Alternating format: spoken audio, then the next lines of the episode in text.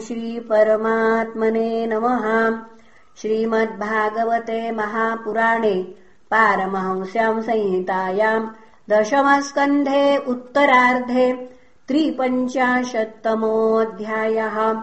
श्रीशुक उवाच वैदर्भ्यासतु सन्देशम् निशम्य यदुनन्दनः प्रगृह्य पाणिना पाणिम् प्रहसन्निदमब्रवीत। श्रीभगवानुवाच तथाहमपि तच्चित्तो निद्राम् च न लभे निशि। वेदाहम् रुक्मिणा द्वेषान् ममोद्वाहो निवारितः। तामनयिष्य उन्मथ्य राजन्यापसदान्मृधे मत्परामनवद्याङ्गी मेधसोऽग्निशिखामिव श्रीशुक उवाच उद्वार्हर्क्षम् च विज्ञाय रुक्मिण्या मधुसूदनः रथः संयुज्यतामाशु दारुकेत्याह सारथिम्। स चाश्वैः शैब्यसुग्रीव मेघपुष्पबलाहकैः युक्तम् रथमुपानीय तस्थौ प्राञ्जलिरग्रतः। आरुह्य स्यन्दनम् मारोप्य तूर्णगैः आनर्तादेकरात्रेण विदर्भानगमद्धयैः राजा सकुण्डिनः पति पुत्रस्नेहवशङ्गतः। शिशुपालाय स्वाम् कन्याम् दास्यन् कर्माण्यकारयत्। पुरम् सम्पृष्टसंसिक्तमार्गरथ्या चतुष्पथम्। चित्रध्वजपताकाभिस्तोरणैः समलङ्कृतम्। सगन्धमाल्याभरणैर्विरजोऽम्बर भूषितैः जुष्टम् स्त्रीपुरुषैः श्रीमत् गृहैर्गुरुधिधूपितैः।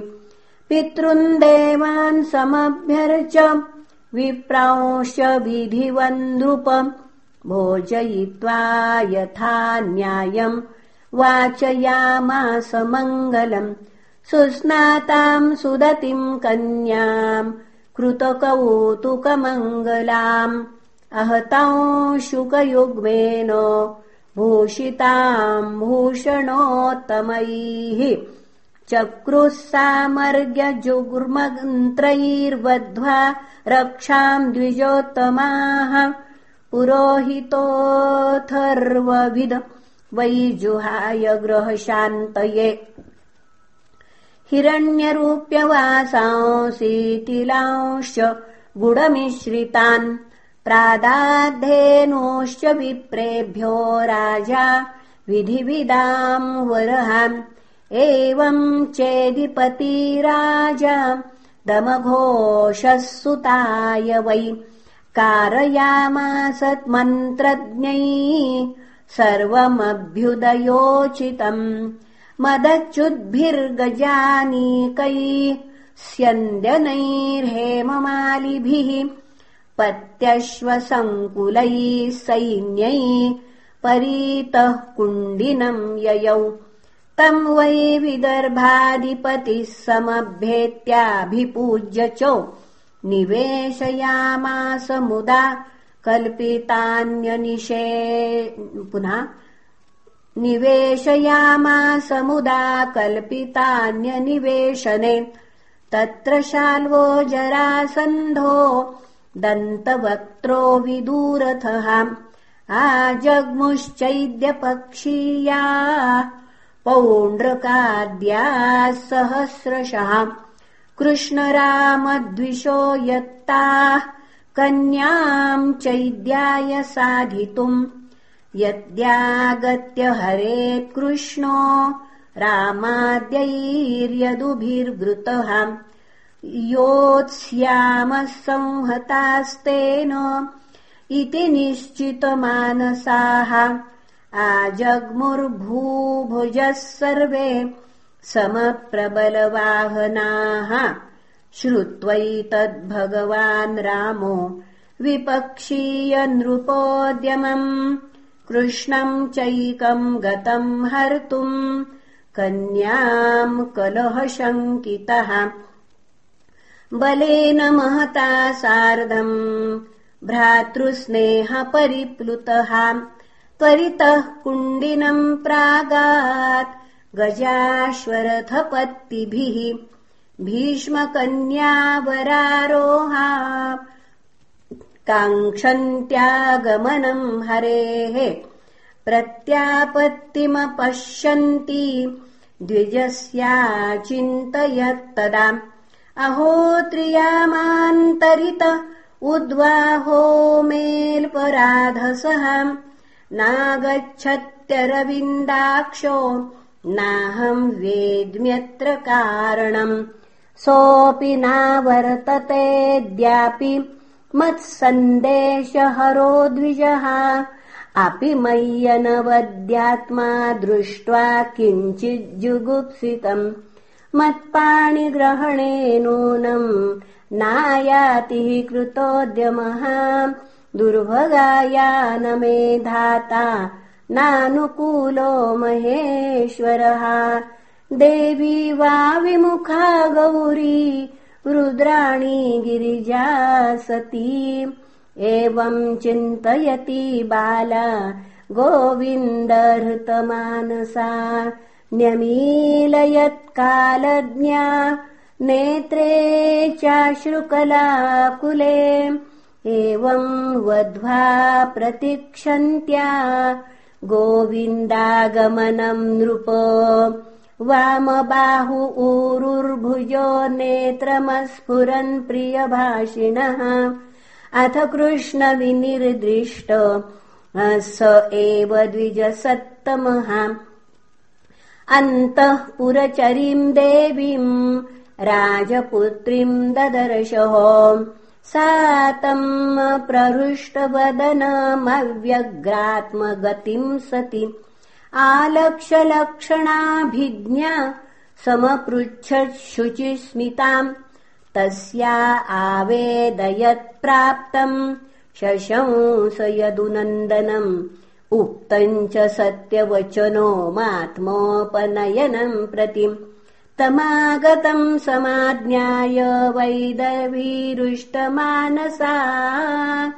न पश्यन्ति ब्राह्मणाय प्रियमन्यन्न मामसाम् प्राप्तौ श्रुत्वा स्वदुहितुरुद्वाह प्रेक्षणोत्सुकौ अभ्ययात्तूर्यघोषेण रामकृष्णौ समर्हणैः मधुपर्कमुपानीय वासांसि विरजांसि सहाम् उपायनान्यभीष्टानि विधिवत् समपूजयत् तयोर्निवेशनम् श्रीमदुपकल्प्य महामतिः ससैन्ययो सानुगयोरातिथ्यम् विदधे यथा एवम् राज्ञाम् समेतानाम् यथा वीर्यम् यथा वयहाम् यथा बलम् यथा वित्तम् सर्वैः कामैः समर्हयत्।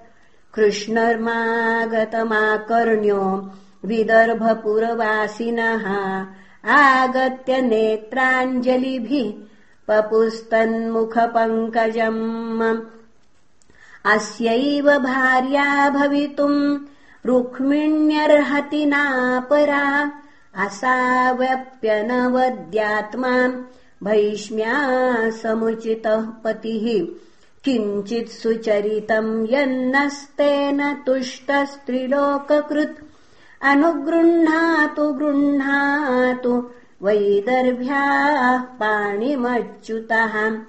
एवम् प्रेमकलाबद्धा वदन्ति स्म पुरौकसः।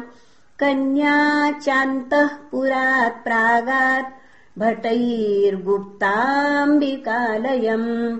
पद्भ्याम् विनिर्ययौ द्रष्टुम्। भवान्याः पादपल्लवम्। सा चानुध्यायति सम्यक् मुकुन्दचरणाम्बुजम्। यत्त्वाम् मातृभिः सार्धम् सखीभिः परिवारिताम्।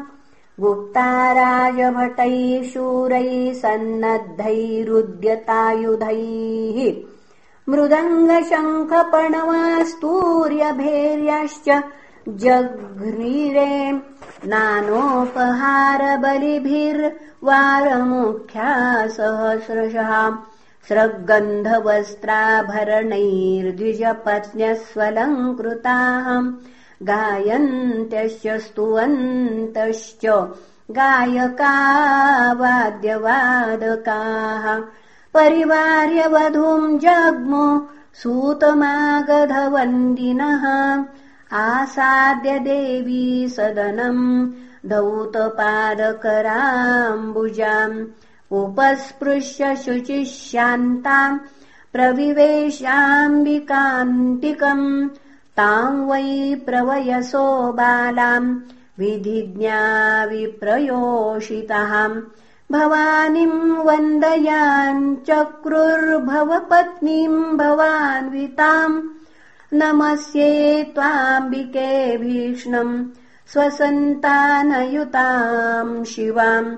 भूयात्पतिर्मे भगवान् कृष्णस्तदनुमोदताम्।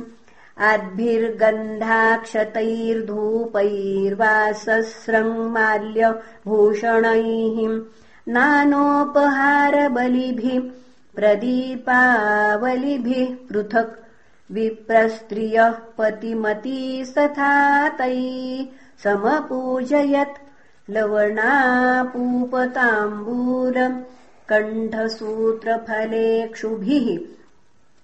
तस्यै स्त्रियस्ता प्रददुः शेषाम् ययुरुजाशिषः ताभ्यो देव्यै नमश्चक्रे शेषाम् च जगृहे वधूः। मुनिव्रतमथ त्यक्त्वा निश्चक्रामाम्बिका गृहात् प्रगृह्य पाणिना भृत्याम् रत्नमुद्रोपशोभिना। ताम् देवमायामिव वीरमोहिनीम् सुमध्यमाम् कुण्डलमण्डिताननाम् श्यामाम् नितम्बार्पितरत्नमेखलाम् व्यञ्जस्तनिम् कुन्तलशङ्किते क्षणम् पुनः व्यञ्जस्तनिम् कुन्तलशङ्किते क्षणाम् शुचिस्मिताम् बिम्बफलाधरद्युतीर्षोणायमान द्विजकुन्दकुङ्कमराम् पुनः शोणायमान द्विजकुन्दकुङ्मलाम् पदाचलन्तीम् कुलः पुनः पदाचलन्तीम् कलहंसमानिनीम् निषिञ्जत्कलानूपुरधामशोभिनाम् विलोक्य वीरामुमुहुः समागता यशस्विनस्तत्कृतहृच्छयार्द्रिताः याम् वीक्षते नृपतयस्तदुदारहास व्रीडावलोक हृतचेतस उज्झितास्त्राः। पेतुक्षितौ गजथाश्वगता विमूढा। यात्राच्छलेन हरयेर्पयतिम् स्वशोभाम् सैवम् शनैश्चलयती चलपद्म कोशौ। प्राप्तिम् तदा भगवतः प्रसमीक्षमाणा। उत्सार्य वामकरजैरलकानपाङ्गैः। प्राप्तान् ह्रियैक्षतनृपान् ददृशेच्युतम् सा। ताम् राजकन्याम् रथमारुरुक्षतीम् जहार कृष्णो दिशताम् समीक्षताम् रथम् समारोप्य सुपर्णलक्षणम् राजन्यचक्रम् परिभूय माधवः। ततो ययौ रामपुरोगमैः शनैः